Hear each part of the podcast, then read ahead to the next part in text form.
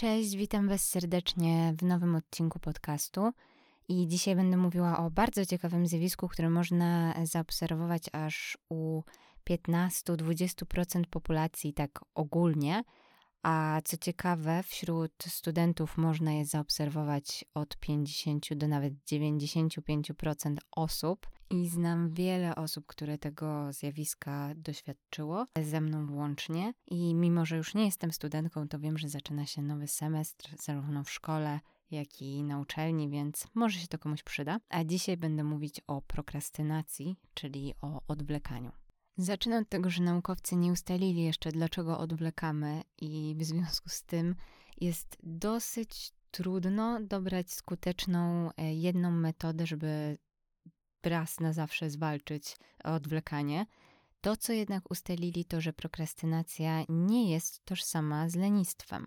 Ponieważ gdy jesteśmy leniwi, to nie robimy czegoś, bo nam się po prostu nie chce, podczas gdy prokrastynatorzy chcą coś skończyć, ale z jakiegoś powodu przed tym uciekają. I co więcej, czują się winni i często sami sobie wymierzają kary. I są to kary typu nie wyjdę dziś ze znajomymi, bo muszę pisać licencjat albo magisterkę. I bardzo często, zazwyczaj tak jest, ostatecznie i tak tego nie robią, więc czują się jeszcze bardziej winni i jeszcze bardziej przygnębieni. W zamian za nie wyjście i niepisanie oglądają serial albo uprawiają tak zwaną aktywną prokrastynację. To jest coś, co widziałam miliony razy, e, czyli robią coś, co i tak mieli zrobić, ale nie jest to jakieś specjalnie pilne. I takim klasykiem tego, co właśnie opisałam, jest sprzątanie całego mieszkania przed sesją albo mycie okien przed ważnym egzaminem te okna naprawdę mogą poczekać i ten bałagan, który mamy w mieszkaniu, naprawdę może poczekać na koniec sesji. Każdemu od czasu do czasu zdarza się zwlekanie z załatwieniem jakiejś sprawy zawodowej, prywatnej, nieważne, ale prokrastynacja e, będzie się różniła od zwlekania tym, że jest to coś, co nam się zdarza cały czas. Jest to nagminne odkładanie praktycznie wszystkiego, co mamy zrobić, co wyklucza nam trochę hipotezę, że jeśli nie chce mi się uczyć, to znaczy, że te studia nie są dla mnie. To jest też coś, co e, zdarzyło mi się kilka razy słyszeć od pewnych osób. I jeżeli jest to jedyna rzecz, którą odwlekam, te studia i ta nauka, to rzeczywiście może coś jest na rzeczy. Jakiś to może być wyznacznik, że jednak nie jesteśmy na tym kierunku, na którym powinniśmy być, albo nie jesteśmy na tym stanowisku, tudzież w tej pracy, w której powinniśmy być. Ale jeżeli odwlekam opłaty, oddawanie książek w bibliotece, telefony do lekarzy i tak dalej, to raczej rzucanie studiów czy też zmiana pracy niczego nie rozwiąże. Prokrastynacja wiąże się z pewnymi negatywnymi skutkami, takimi jak na przykład niższy poziom wykonywania zadań, co jest w zasadzie logiczne, bo robimy coś na ostatnią chwilę i jeszcze dodatkowo się tym stresujemy. Mamy w ten sposób jakieś tam wytłumaczenie, że zrobiliśmy coś słabo, bo robiliśmy to właśnie w pośpiechu i w nerwach. Jest to jakaś tam dobra wymówka, bo możemy wtedy powiedzieć, że robiliśmy coś w nerwach, w pośpiechu i po prostu nam nie wyszło. Nie, jest, nie zagraża to podważaniu naszych kompetencji albo naszych e, jakichś umiejętności. Oprócz tego spada też satysfakcja z osiągnięć i jakość życia jako taka.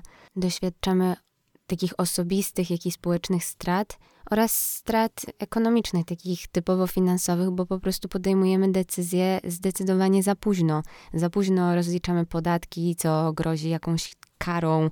Za późno zgłaszamy się do lekarza, co również podnosi ryzyko pogorszenia zdrowia, ponieważ odwlekamy te wizyty w nieskończoność aż do momentu, w którym już naprawdę musimy iść, i często wtedy te straty są albo bardzo wysokie, albo wręcz nieodwracalne, albo wydajemy po prostu dużo więcej na leczenie, na coś, co moglibyśmy wcześniej rozwiązać jakoś inaczej.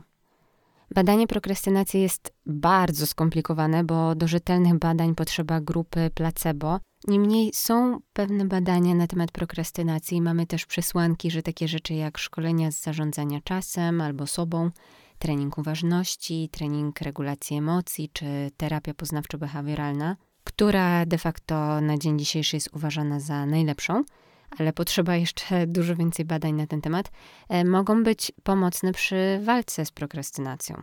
Trzeba mieć jednak na uwadze, że powyższe metody niestety raczej nie wprowadzają stałych zmian. Mniej więcej po pół roku ludzie wracają do swoich dawnych przyzwyczajeń.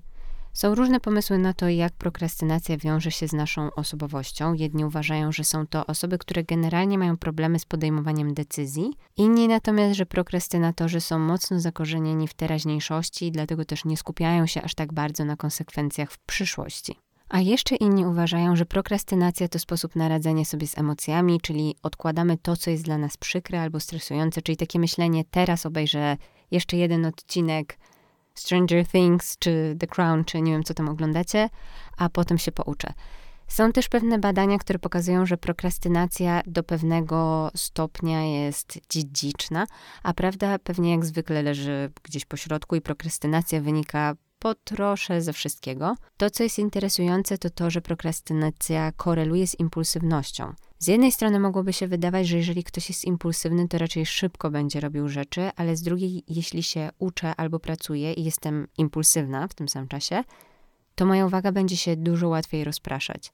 Nagle poczuję impuls, że mam ochotę pooglądać śmieszne koty i przerwam naukę na rzecz oglądania śmiesznych kotów.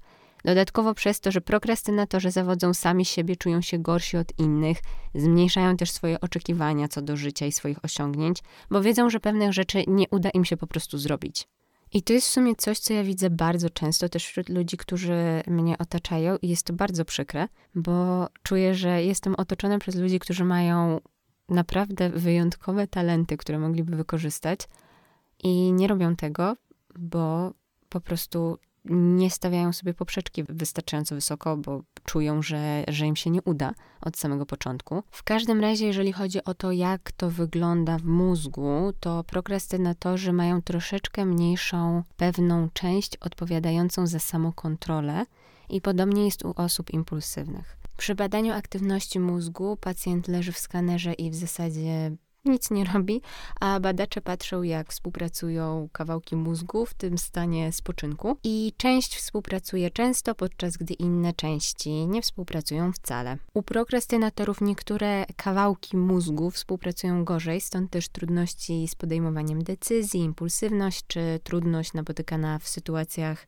konfliktowych, czyli oglądanie serialu kontra pisanie magisterki, praca kontra jedzenie i tak dalej. I doktor Marek Wypych, którego wykładem się zainspirowałam przy tym odcinku i do którego zostawiam wam link w opisie, wraz z kolegami badając prokrastynację w skanerze odkryli, że studenci prokrastynatorzy są bardziej wrażliwi na karę niż odwlekający niestudenci. W części badań, gdzie badani mieli uniknąć tracenia na skanach z mózgu w grupie kontrolnej, widzimy pewną aktywność w obszarach odpowiedzialnych za samokontrolę, podczas gdy u prokrastynatorów ten obszar jest zupełnie wyciszony. Ponadto pewne właściwości w mózgu są dosyć dobrym predyktorem tego, jak szybko osoba opuszczająca więzienie do niego wróci. I co ciekawe, są to właściwości charakterystyczne właśnie dla prokrastynatorów, czyli powtarzanie błędów. Z punktu widzenia mózgu ktoś wyjdzie na wolność, a następnie po popełni te same błędy i w efekcie ponownie zostanie złapany. Mniej ekstremalnym tego przykładem, przykładem powtarzania błędów, będzie student, który przy kolejnej sesji znowu zostawił naukę na noc przed egzaminem.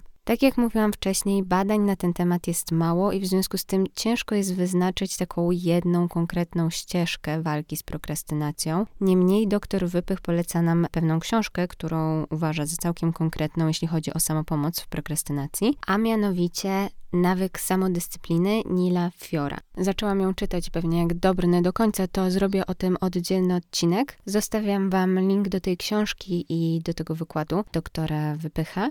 I jeszcze mam jedno przemyślenie na sam koniec, bo ostatnio widziałam z kolei filmik na YouTubie, w którym mówili o tym, że nasz mózg niejako jest trenowany teraz do rozpraszania się, ponieważ mamy po prostu dużo rozpraszaczy. Wiadomości, powiadomień, wszystkiego, co pyka nam na telefonie i przypomina o tym, że musimy dać temu swoją uwagę. I jest to coś, co wpływa na nasz układ dopaminy i jest nam się ciężko z tego wygrzebać później, bo chcemy cały czas tego natychmiastowego dopływu dopaminy i że jest to swego rodzaju uzależnienie. Może uzależnienie to jest mocne słowo, ale myślę, że ono odzwierciedla mniej więcej o co tutaj chodzi. I można się próbować od tego uniezależniać, czyli na przykład planować to, co mamy do zrobienia i nie patrzeć na telefon, dopóki tego nie zrobimy, albo planować sobie, kiedy będziemy oglądać jakieś e, seriale, filmy, cokolwiek i robić to w, tylko w wyznaczonym czasie. Nawet